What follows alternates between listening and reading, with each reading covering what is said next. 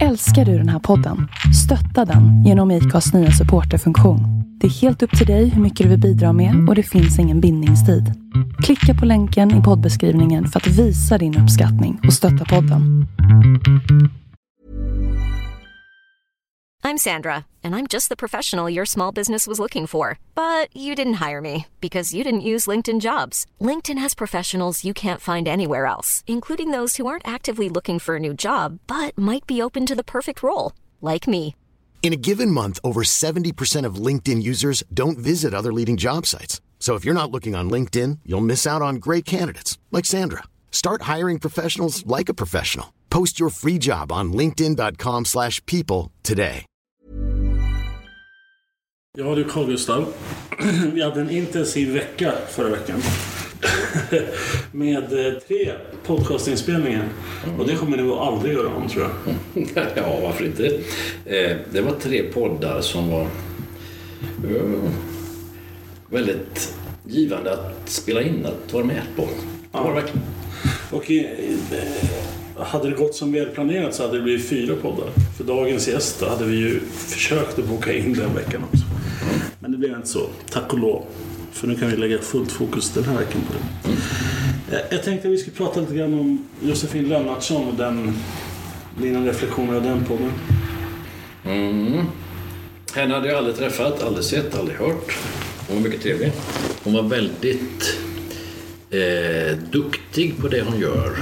Och man kan ju vara duktig och veta saker, men hon var väldigt hemtam i att ta människor, umgås med människor som dessutom då har allt annat än samma uppfattning som hon. Eh, och hon kunde se det värdefulla och det, det eviga på något sätt hos alla människor, även de som då har diametralt motsatt tro eller otro. För hon bor ju och verkar i ett område som inte är stort men som är väldigt koncentrerat med andlighet av olika schatteringar utanför Södertälje, Järna, Gnesta. Andlighet av bästa märke om man gillar nyandlighet, asatro, allsköns däremellan. Nej, Josefin, det var en fin bekantskap. Mm. Jag eh, fick ju en ö- ögonöppnare och, en, och så här lite självrannsakan. Så, eh, och jag är fortfarande i den bubblan på något sätt så att jag väntar nog med att göra någon större reflektion av det. Eh, idag ska vi träffa eh, Mattias Enell. Som, som du känner väl och som jag känner väl. Det ska bli roligt. Eh, vi älskar ju, bå- båda två älskar ju hans stämma och hans eh, låtskriveri framförallt. Ja, fina melodier. Fina melodier. Lätta att ta till sig så fort man hör dem. Och Evert Taube och August Strindberg-nivå på texten. Det är det verkligen. Mm, I Lilla Tranås. Nej, han skriver som om han sutte i Stockholm. Ja, men jag menar att vi, vi har en sån förmåga i Tranås. Jag hörde att jag sa sutte. Ja, Ja, det är gammal fin svenska. Det skulle han kunna ha i någon utav refrängerna. Där är jag sutte. Och så vidare. Mattias, det kan du tänka på när du Pratar skriver. ni så här när jag inte är här? Ja. Eller bara nu när jag är här? nej, vi, ja, vi är båda väldigt, väldigt stora fans kan man säga. Ja. Och det är ju det som är fördelen när man bokar gäster, producerar, klipper och klistrar eh, den här podden. Att man kan ju fritt välja vem man vill. Då tar man ju bara dit människor som man tycker om. ja. Och det har jag gjort. Så vi säger välkommen till Mattias Enell. Tack snälla. Hur är läget? Eh, bra. Mycket bra. Eh, I grund och botten är det fantastiskt, skulle jag säga. Sen är det ju lite mörkt ute fortfarande så att jag längtar efter ljuset, men eh, det är det mycket bra. Mm. Nu skulle det inte vara så där damfrisersalong. Nu är det kallt, nu är det blött. Men i grund och botten var ju en bra början. Ja, Då är det bra. så är det. Det är väl någonstans där det ska vara bra också. Ja. Det där ytliga eh, går, går ju lite sådär beroende på vad klockan är. Eh, Den här gången ska, har vi tänkt att prata om lovsång och eh, är det någon som vi vet är Mr Lovsång så är det ju Mattias Enell. Oj då. Oj, det var ett epitet jag inte har hört förut. mm. Jag får se om jag kan leva upp till det. Ja, men det tror jag inte är några problem alls. Eh, Du är ju väldigt avslappnad och, och väldigt kunnig så det är allt som KG inte är. Så det blir nog alldeles utmärkt där. Du, Mattias, med. hur, hur hamnar du i musiksvängen? Du, jag var så här att jag var med på någon sån här prova på-dag på, på Kulturskolan. Då hette det Musikskolan här i Tranås. Och eh, jag var inne i rummet där det fanns blåsinstrument. Och det enda instrument jag fick ljud i var en trombon. Och då blev det trombon. Och sen ägnade jag mig åt att spela trombon i många år.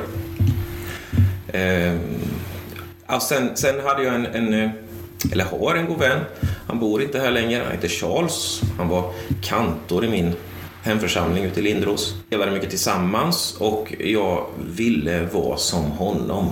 Jag ville spela orgel och sådär. Eh, så jag fick börja med lite orgelspel för honom. Och sen blev jag nyfiken på alla andra instrument också så att jag eh, jag kan egentligen ingenting. Eh, men jag kan väldigt lite av väldigt mycket vad gäller musik. Så kan man säga. gammal är du när du börjar plocka med orgeln i Lindroskyrkan? Vad Kan jag vara 14 kanske? Okej. Mm. Men sen blir det musiklinjen. Ja, det blev det.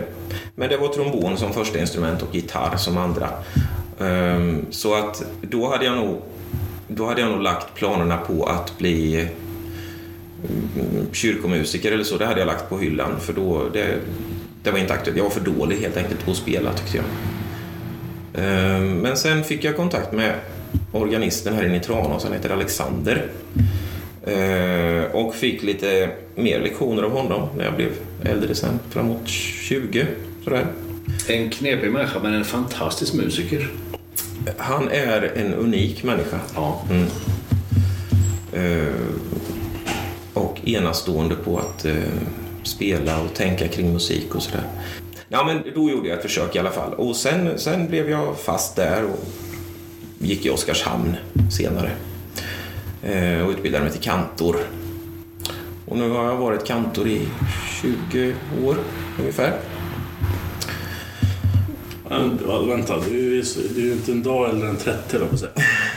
Och var, var kantor i, i 20 år.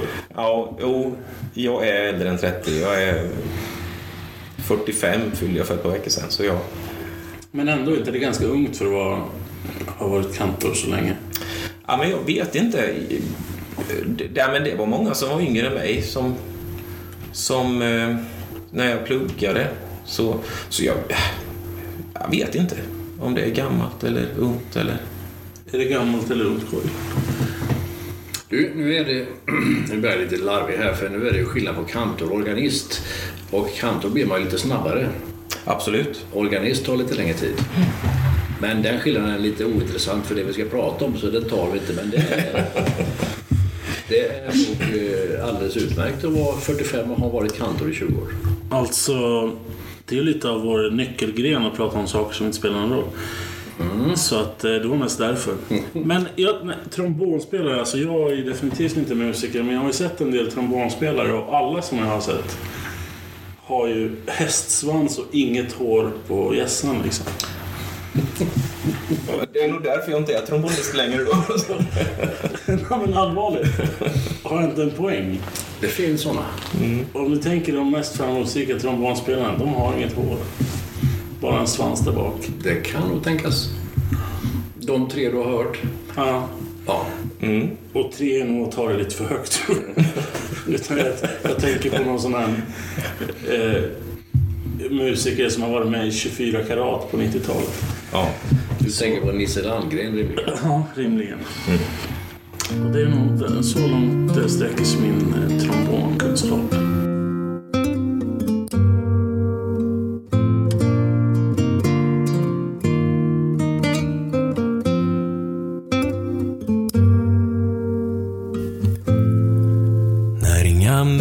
Murar längre finns att riva ner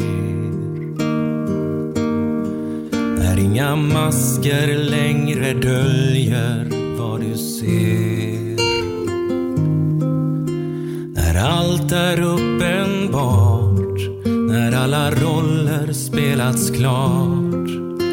När verklighetens bittra sanning jag gör ligger utanför min makt. Allt jag äger är mitt självförakt.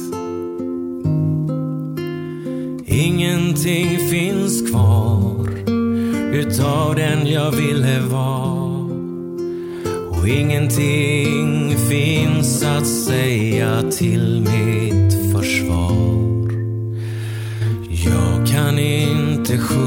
sjunka längre ner. Jag knäpper mina händer och ber. Ta mig härifrån. Jag vet att det måste gå. Ta mig till en plats där jag kan läka mina sår.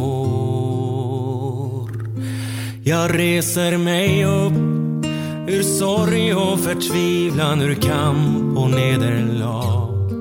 Jag ger upp och låter längtan visa vägen till min morgondag. Jag vill känna att jag lever, jag vill andas igen. Och äntligen få säga jag har kommit hem. Kan du kanske se mig i ögonen? Och kanske kan du kalla mig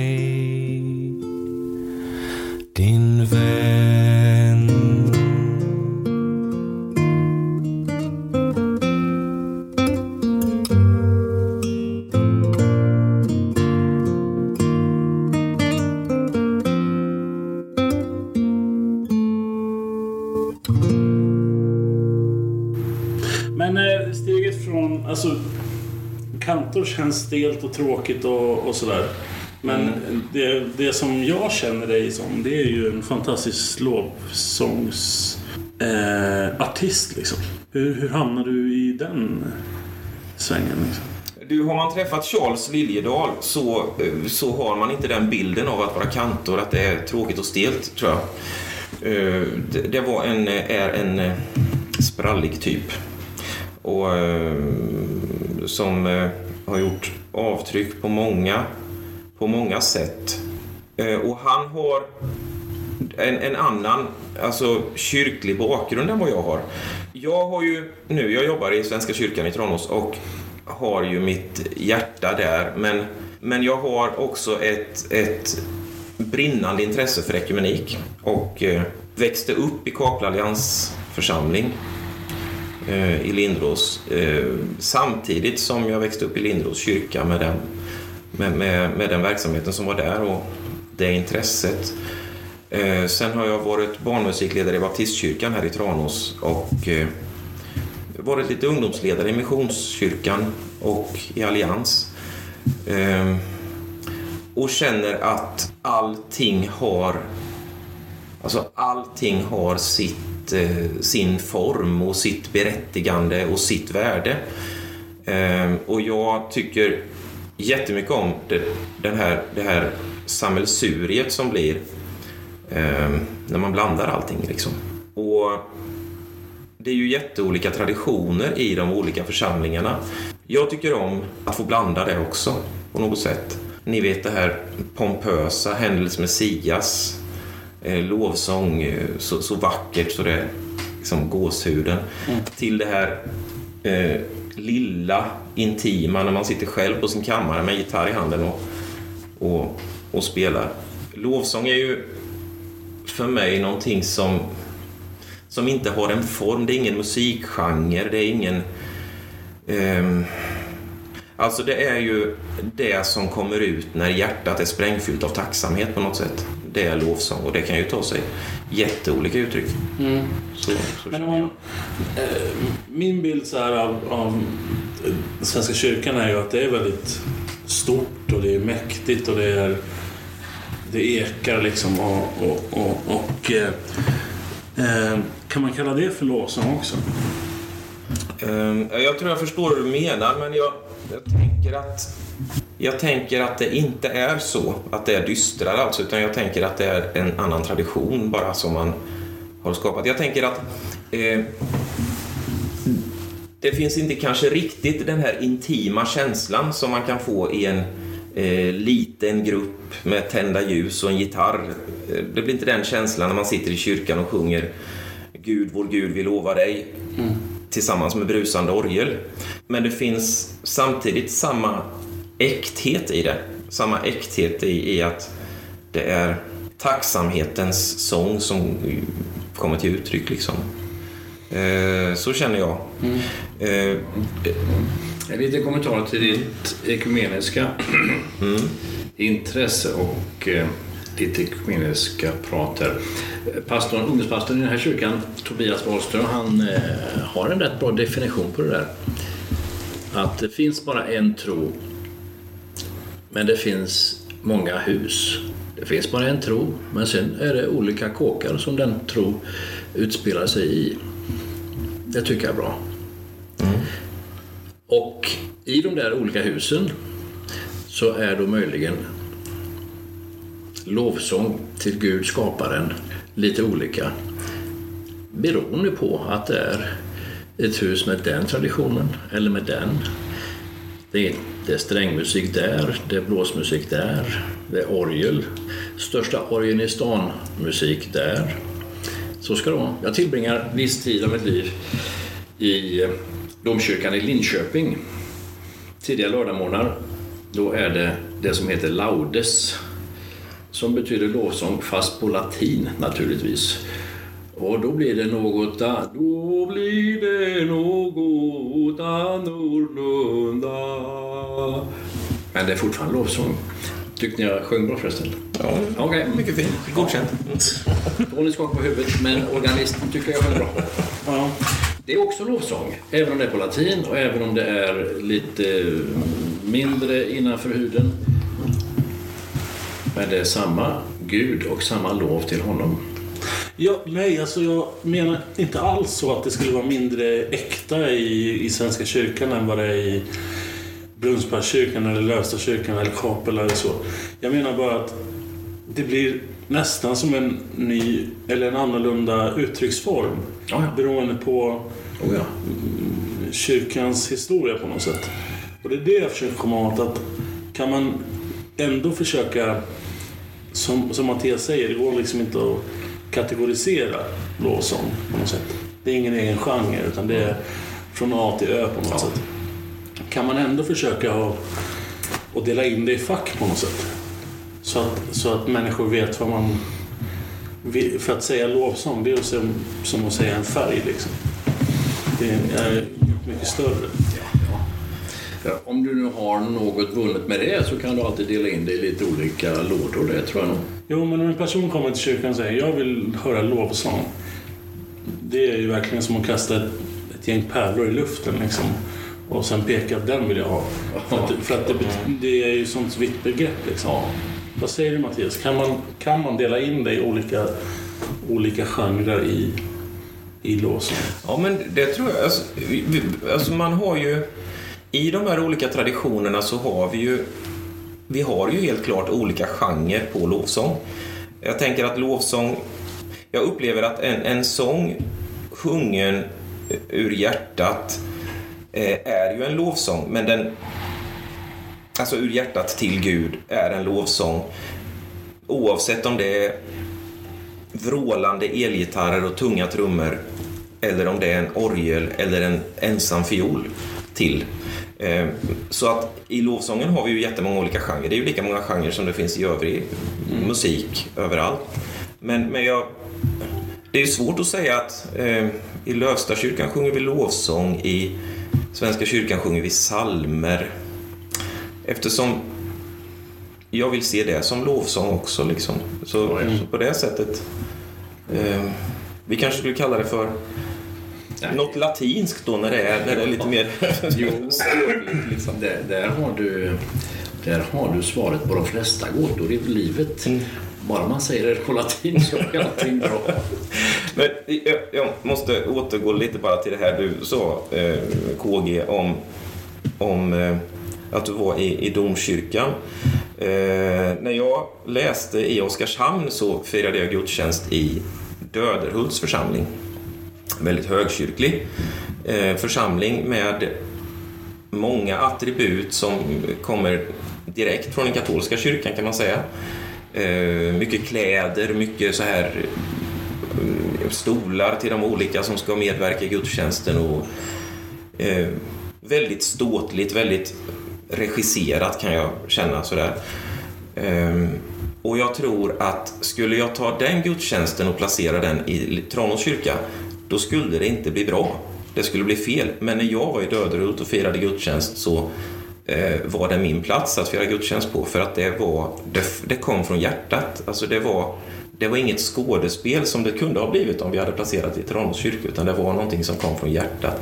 Människorna som var där och firade gudstjänst ville detta. Det här är vårt sätt att lovsjunga. Det är vårt sätt att, att eh, visa på Guds storhet och hans skapelse på något sätt. Men är de här reglerna mer tydliga i olika kyrkor eller känner du att det- liksom, det här regelverket finns överallt? Ja, det, det är ju ganska olika. Um, där åt Kalmar och, och Växjö stift ner så, där är det lite mer högkyrkligt. Liksom.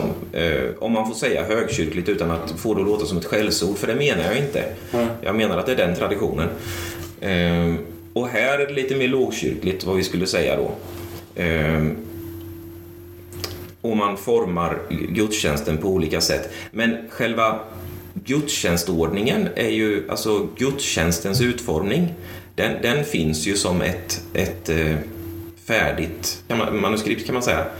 Eh, så, så den följer vi ju. Det är väldigt upp, uppstaplat i eh, Svenska kyrkans ordning när man firar en gudstjänst. Det är, har sin plats allting liksom och sådär. Eh, vilket det inte är på samma sätt nedskrivet på pränt i, i Lövstakyrkan ofta utan men ändå följer man en, en ordning, det, det finns struktur i det och sådär. Eh, det tycker jag är en trygghet på ett sätt. Att, att, alltså, att känna sig bekväm i det man ska göra eller det man gör.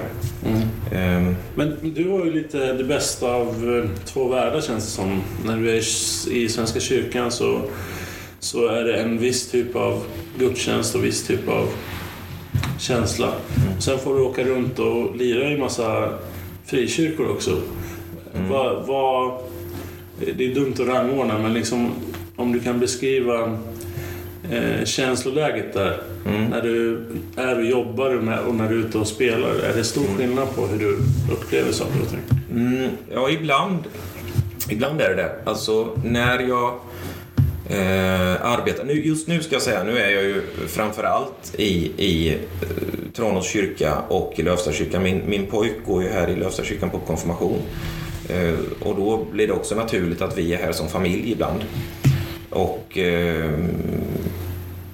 jag trivs jättebra med den här församlingen i Lövstakyrkan. Jag känner att här finns en värme, här finns gemenskap. Man, man är rädd om människor här. Liksom. Jag tycker det är en otrolig värme eh, som sprider sig. Och så då det finns en respekt och en, en Mm, jättefint, härligt. Och jag upplever den i Tranås kyrka också. Den här. Men när jag sitter där som, som kantor så är det ju naturligtvis så att då är det vissa söndagar som det ska vara mer av mig och det ska ske i den... Vid det tillfället så ska man helst få fram kören att sjunga och de ska ställa upp sig någorlunda smärtfritt och de ska sjunga på befallning och sådär. Och det är klart, då har jag själv inte så mycket möjlighet att, att fira gudstjänsten i den rätta bemärkelsen, kan jag känna. Eh, för då är det ett jobb jag ska göra samtidigt. Men det finns också gudstjänster då jag får spela psalmerna, sjunga sångerna som ren meditation för mig själv, alltså där jag, där jag verkligen är med i gudstjänsten. Och det kanske måste vara så, jag vet inte riktigt, men Har en liten kommentar till det där programenliga och lite protokollförda. Jag är inte jätteofta på högmässa. eller gudstjänst i Svenska kyrkan men det har blivit så att skärtorsdagen då har jag varit där de sista eh, fyra, fem åren. Det är en märklig och mycket stark upplevelse för då tar man och dukar av altarbordet, plockar bort allting, alla ljus, alla textilier. Man stänger altarskåpet och släcker och när det är rent och släckt, det är en märklig, stark upplevelse. Nu går vi in i långfredagen. Håller du med? Ja, absolut. Det är årets eh, ja, starkaste gudstjänst tycker jag. Ja, det. Ja, och, och den är en sån här gudstjänst som jag tror ingen av oss, och du, du har varit med och sjungit där också och, och så här, och jag har varit med och sjungit och, eller varit ledare för kören eller sådär och spelat. Va? Men eh, där spelar det ingen roll vilken, vilken roll man har i gudstjänsten så är man en del av det. Alltså, såväl som, som besökare som, som präst är en del av den här gudstjänsten. Och det är en stor känsla bara det, att, att få vara en del. Sen är ju gudstjänsten i sig, alltså det, den berättelsen är ju jättestark. Och när man gör det visuellt också. När man, Oh, ja. Dessutom brukar den vara relativt välbesökt. ja, Bara det spelar roll. Ni båda var ju med eh, för någon vecka sedan och gjorde en ekumenisk gudstjänst tillsammans. Alla kyrkor var involverade på något sätt och det föregicks av en, av en bönevecka. Eh, där också alla kyrkor var involverade på något sätt. Hur, hur upplevde ni den gudstjänsten på söndagen? Ska jag svara först eller du? Nej, kör du. Du var ju ledare. Ja, alltså för mig var den där gudstjänsten en ganska stor upplevelse, eller en väldigt stor upplevelse måste jag säga, för att eh, dels de- Alltså dels är det ju en väldigt fin gemenskap mellan våra kyrkoledare här i, i Tranås, alltså pre, mellan prästerna och pastorerna i de olika församlingarna. Som jag har förstått det. Jag har inte själv varit med på deras samlingar, men prästerna hos mig pratar om att det är fin sammanhållning alltså, och, så där, och det är god gemenskap. Och det här på något sätt manifesterades i den här gudstjänsten, för det var första gången jag både har varit med om och överhuvudtaget har hört talas om en gudstjänst som kunde firas på det sättet. Där man kom eh, med alla de olika eh, traditioner som man har och visade respekt för varandras särart på något sätt. Alltså. Och därför jag, varför jag säger så, det är för att vi hade en, en gudstjänst med nattvard i Brunnsparkskyrkan där kyrkoherden ledde nattvarden, där Frälsningsarméns eh, kapten, heter det va? Eh, predikade och där Brunnsparkskyrkans pastor ledde gudstjänsten. Vi hade en kör som bestod av alla möjliga människor och vi hade Frälsningsarméns orkester och det, allt det här i ett enda sammelsurium. Och att, att kyrkoherden skulle leda en nattvard i Brunnsparkskyrkan är som jag tänker, jag må vara inskränkt, men jag tänker att för 20 år sedan hade det varit alldeles otänkbart. Och idag är det möjligt. Och jag är så glad för det. Det där har det pratats mycket om inför.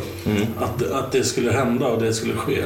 Jag tycker eh, det är alltid kul när man, man bryter sådana här saker och, och nästan struntar i det som har varit på något sätt. För det måste man ju göra. Det har inte varit en bra relation i alla år liksom. Utan en ganska fientlig sådan. Och att man kan liksom se bort det på något sätt. Och sen hade ni en kör där på 75 pers eller något. Jag håller med Mattias allt du säger, fast jag bara stod och sjöng. Och det var, det var en stor upplevelse att stå där och sjunga. Det var det faktiskt. Det är det alltid. Och inte minst när Tranås manskör sjunger så fick jag det sagt. Sjunger och sjunger. Nej, Tranås manskör är jättebra. Och framförallt han mustasch är fantastiskt duktig. Eh, vad han nu heter. Eh, men det som var kul med den gudstjänsten, vi ska inte snöa in för mycket på det, men det som var kul med den gudstjänsten var att vi har ju tisdagslunch här varje vecka i Lösa kyrkan. Där kommer missbrukare som kommer och äter och umgås och tar del av Guds ord. De var där och tog nattvarden. Ja, Och det var ju så här, det är tungt. ja, du, då har det funkat. ja, verkligen. Eh, sen att de inte gör det här, det är en helt annan sak. Jo, men det, det är Men ett då. första steg på något sätt. Ja, ja. Eh, och eh, det talar ju någonting om att, att det finns en spridning som är positiv på något sätt. Och det måste man ju bevara på något sätt. Hur skulle du definiera lovsångerna, Mattias, med en mening? Hur jag definierar lovsång? Mm. Eh, jag tror jag gjorde det nyss. Ja, alltså, jag är Och då... lite undrande över frågan här, för det han pratat om i en kvart nu. Men, eh, Men en mening. Ja, en mening. Som på något sätt, du, du träffar en människa som aldrig har satt sin fot i en kyrka, aldrig har hört lovsång och så frågar den personen, eller ber dig definiera det. Då skulle jag säga att det är sången som kommer ut när hjärtat är sprängfyllt av tacksamhet. En under. Ja. Jag, skulle säga tonsatta böner. Mm. Jag är helt utav... Nej, det är bra. Det är bra.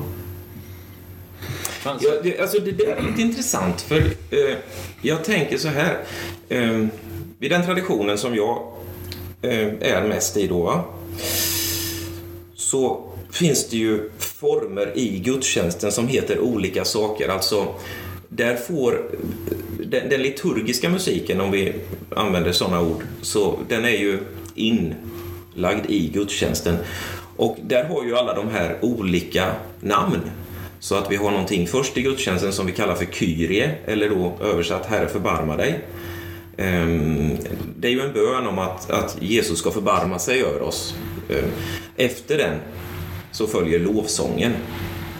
Eh, ära åt Gud i höjden och frid på jorden åt dem han har utvalt. Eh, varpå församlingen sjunger en, en lovsång där man ärar Gud. Eh, lite längre in i gudstjänsten så sjunger man lovsägelsen och prefationen, alltså en, en bön inför nattvarden.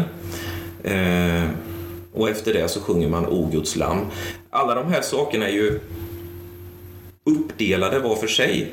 Så att i den traditionen så är ju lovsång någonting speciellt. Det kan man ju se om man tittar i psalmboken till exempel, eller i psalmer och sånger, så har det en litet kapitel där. När man tittar på de psalmerna som står under rubriken lovsång, då handlar det ju hela tiden om att, att det är någonting vi gör till Gud.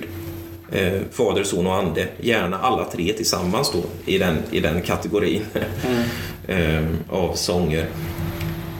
Eh, och jag, jag tror att man i andra traditioner kanske kallar mer sånger för lovsång. Eller så till exempel om vi sjunger en Tessé-sång. Ät mitt bröd, drick mitt vin. Kom till mig så ska dig hungra. Eh, att det också kan vara en lovsång i en tradition. Medan i en annan tradition kanske man inte kallar den för lovsång. För att man kallar det som man sjunger direkt till Gud för lovsång. Alltså det är någonting som jag kan prestera till Gud. Liksom. Eh, De där de, eh, detaljerna i högmässan du beskriver, det är inte precis hiphop. Nej, vi har ju fått en eh, ny... Eh, alltså det här är sånt som jag också kan fnissa åt ibland för att eh, ibland blir det lite, eh, lite väl. Kan jag känna man har arbetat med en ny kyrkohandbok. Det här kanske man inte kan säga i, så att människor hör det men, men eh, så är det i alla fall. Vi har arbetat med en ny handbok och jag vet inte hur många år den här har han arbetats med och eh, 2012 fick vi ett förslag på handbok som gick igenom massa den här grejer. Och det här är alltså då det som ska, den musiken som ska vara liturgisk musik i Svenska kyrkan. Eh, innan det här så hade vi en handbok och det var ju ännu längre ifrån hiphop, om man får säga så. Eh, för att den musiken den bottnade ju framförallt i, i 300-talets gregorianik. Eh, väldigt svårsjunget om man inte har en, en, en bakgrund i kyrkan och sådär. Eh, Eh, så jag är jättetacksam för den här nya handboken. Den permanentades 2016 om jag inte minns- fel nu, men då hade den varit ute på, på försök i många församlingar, bland annat i Tranås i fyra år då. Eh, och med lite ändringar och kompletteringar så permanentades den 2016 och nu är det den vi använder så att säga. Och där har det ju blivit mer sångvänligt för gemene man. Man behöver inte ha gått i kyrkan i, i, i 30 år för att ha lärt sig den här stora helig och, och de här, utan man kan eh, man kan hänga på ganska lätt. Och det, det är ju ett stort framsteg tycker jag. Det, hela Svenska kyrkan är ju en, en fantastisk apparat, alltså, som, som att det fungerar, men det är också väldigt mycket som ska gås igenom varje gång om det ska hända. Liksom, det är ju, man kan inte säga ja, vi tar den här sången, utan då ska det gå igenom hela kapitlet och sen 73 år senare då kommer det. Eh, Det är ju kanske lite, lite av det, det Men det är inga snabba processer det vi säger. i- inte, inte i sådana saker. Nej, men det, Det är inte. inte. helt fel ändå.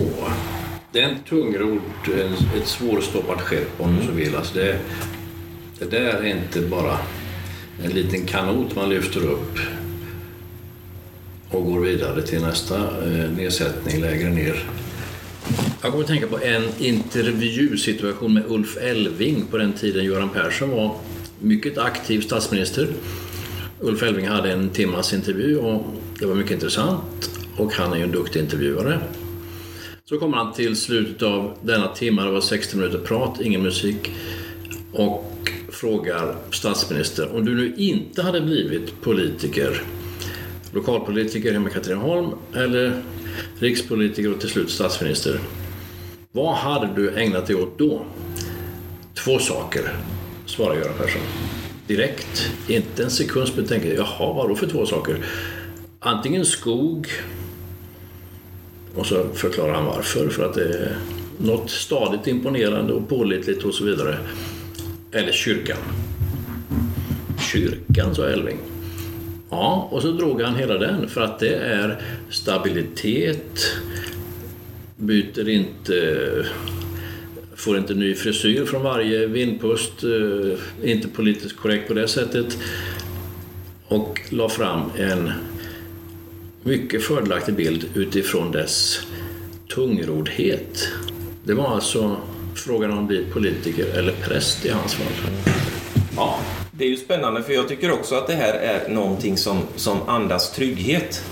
Eh, och jag kan, jag kan fnissa åt att det ska vara så besvärligt ibland. Det kan jag göra.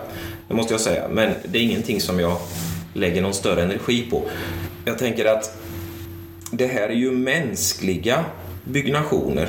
Den, eh, byggnationer och traditioner som vi har skapat Eh, för att ha någon slags struktur och eh, och sådär. Det, det finns ju ingenting som, som jag ser det som är gudomligt i de formerna vi använder i det här tungrodda, om man säger så. Det är, alltså, det är ett mänskligt fenomen att det är en så stor organisation blir tungrodd.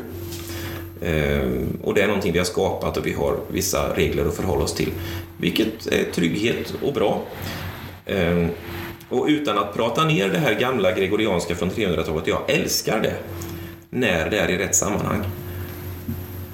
Men en ensam kantor som spelar orgel och sjunger för glatta livet dessa gregorianska sånger med en kyrka full av folk som inte kan öppna munnen för det är för svårt, då är det inte skojigt. Då, då, då finns det väldigt lite lovsång i det kan jag känna. Det blir någonting som inte riktigt kommer till sin rätt där. Ehm, Den här podden har tagit en, en oväntad... Jag brukar planera saker. KG kommer ju som man är liksom. Men jag försöker planera saker och då tänkte jag att nu ska vi prata lovsång. och det blir massa... Men det har vi. Ja, det jag tänkte var ju att, att eh, vi skulle prata om Mattias lovsång.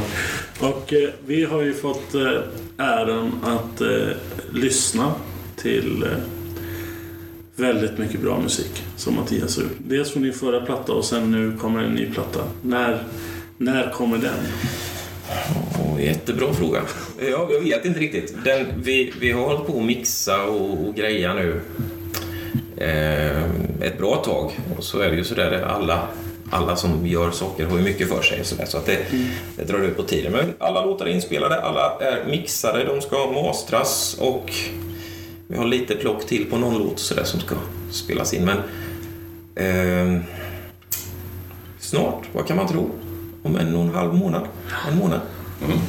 Eh, alla som är på något sätt involverade i någon av kyrkorna i Tranås har garanterat hört din förra platta, God morgon världen. Vad, är så. vad, vad skiljer sig emellan de här plattorna, skulle du säga? Eh, Du, den, den, när vi spelade in förra gången då... Då fanns det en... eh, Alltså de här sångerna, de hade legat... De flesta av de sångerna hade legat hemma i min byrålåda. Eh, och jag använde dem för mig själv. Det var min egen rekreation, eller vad man ska säga. Mitt sätt att få utlopp för svårigheter, för... ehm, Alltså tunga saker eh, som jag inte hade kontroll över och sådär. Och, och de här sångerna, texterna, musiken blev ett sätt att behandla det. Så jag, det var aldrig någon tanke på att jag skulle spela det för någon människa. Eh, jag spelade någon sång någon gång och någon i min kör sa du vi ska göra en konsert med, med sånger som du har skrivit. Nej, det kommer inte hända, sa jag då. Eh, sen fick jag någon mer sån där input att, att jo, men det ska vi göra. Och då tänkte jag att det kanske är så att det ska göras. Och jag skrev lite arrangemang för de här låtarna för körerna och så. Och vi gjorde en konsert och det, det, alltså det var någonting som hände där i mig. Eh, jag har väldigt ofta svårt att göra en konsert eller en, framföra musik utan att ha en väldig självkritik eller känna att nej, jag ska lägga ner det här. Och sådär. Eh, men efter att vi hade gjort den konserten så kände jag blankt ingenting. Jag kände att det här står jag för. Och det må vara dåligt eller det må vara bra. Det spelar mig absolut ingen roll. Eh, och i den känslan så hände det någonting som var ganska så befriande kände jag. Det var så mycket som befriades där. Ehm. Och sen rullade det där på och vi gjorde en inspelning bara för att det var kul att göra en inspelning. Eh, Och tryckte upp ett antal skivor och de har gått iväg till alla möjliga människor och sådär. Jag ska, jag ska komma med en väldigt personlig reflektion. Eh, Eh, jag gick igenom eh, jättejobbiga grejer i, i somras. Och eh, fick den här eh, eh plattan lite innan det i min RK. Men den liksom stod där i hyllan och, och eh, jag hade inte tagit mig för att lyssna på den. Men sen när jag gick igenom det här jättejobbiga med sjukdomar och barn som var sjuka och du vet, livet på något sätt. Så slog jag på den här skivan. Och någonstans så känns det som att det var skillnaden mellan att, att överleva och inte göra det. För att när man lyssnar dels till, till texterna så, så känner man ju att det finns ett ljus i mörkret. Liksom. Och det, det personifierar eh, lovsång för mig. Att, att, att, eh, hjälpa, med- att det hjälper människor ur någonting till något som är ljust och något som är närmare Gud än, än vad man var tidigare. Och eh, eh, sen har det där bara rullat på. Så när jag läste något Facebook-inlägg att ni höll på att lira in en ny platta så vart jag så här over the moon liksom.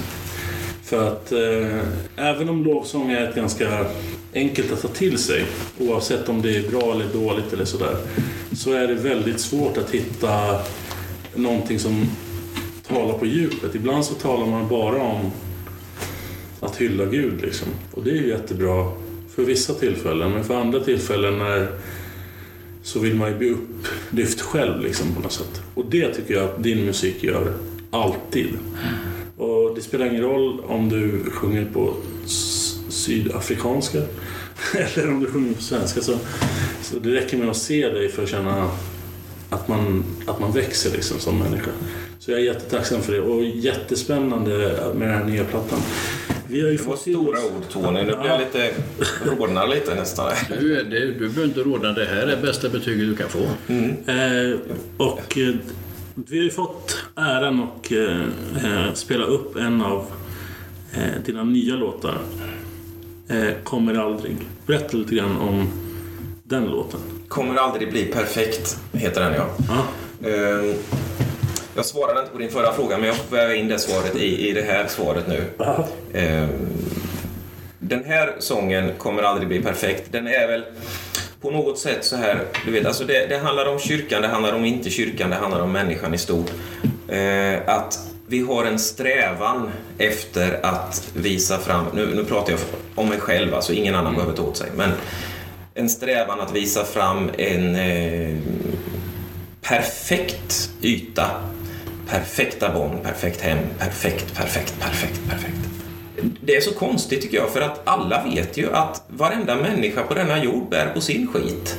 Alltså, så är det ju. Och ändå så är vi så måna om att visa fram den här ytan. Och sången är, jag, jag kommer aldrig nå dit. Alltså, jag kommer inte det. Det finns en liten passus i, i sången som säger att eh, när präktiga normer blir oskrivna lagar som ska skilja vete från agn blir det plågsamt när fasaderna rämnar och flagar och blottar all svärta och skam. Men om hjärtat får sjunga sin kärleksballad om nåd och förlåtelse för alla så bleknar svärtan och skammens fasad som flagar kan falla. Ungefär så, jag kommer inte ihåg texten riktigt nu, men, men ungefär så. Eh, I- alltså detta att, att, att vi, vi är bräckliga och det får gärna visa sig, så känner jag. Det är nivå. Det är djup. Det såg ut som att du hade något eh, bibelord på G som en fin avslutning innan vi lyssnade på Kommer aldrig bli perfekt. Nej, det har jag inte. Men eftersom du alltid frågar mig så måste jag ju låtsas som det. Ja, men någon funktion ska du väl ha?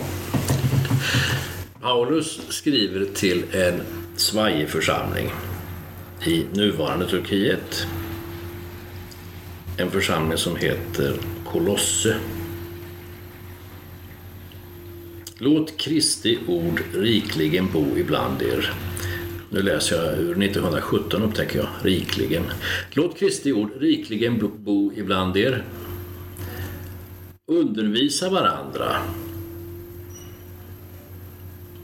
med psalmer och lovsånger och andliga visor.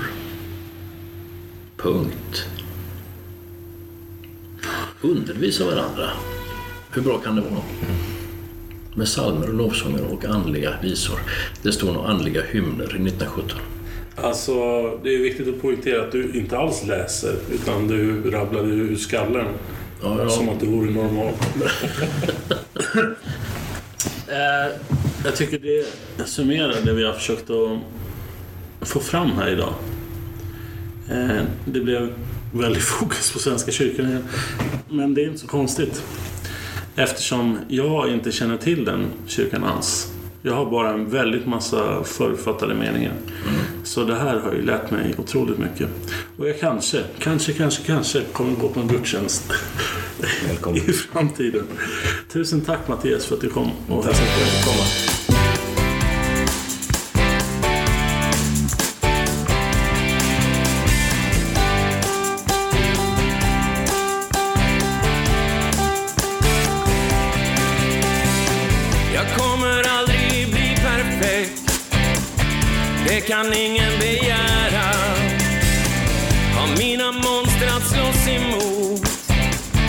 Mitt bagage att bära. Jag kommer aldrig bli perfekt. Inte ens nära. Om det är någonting att sträva mot så har jag mycket att lära.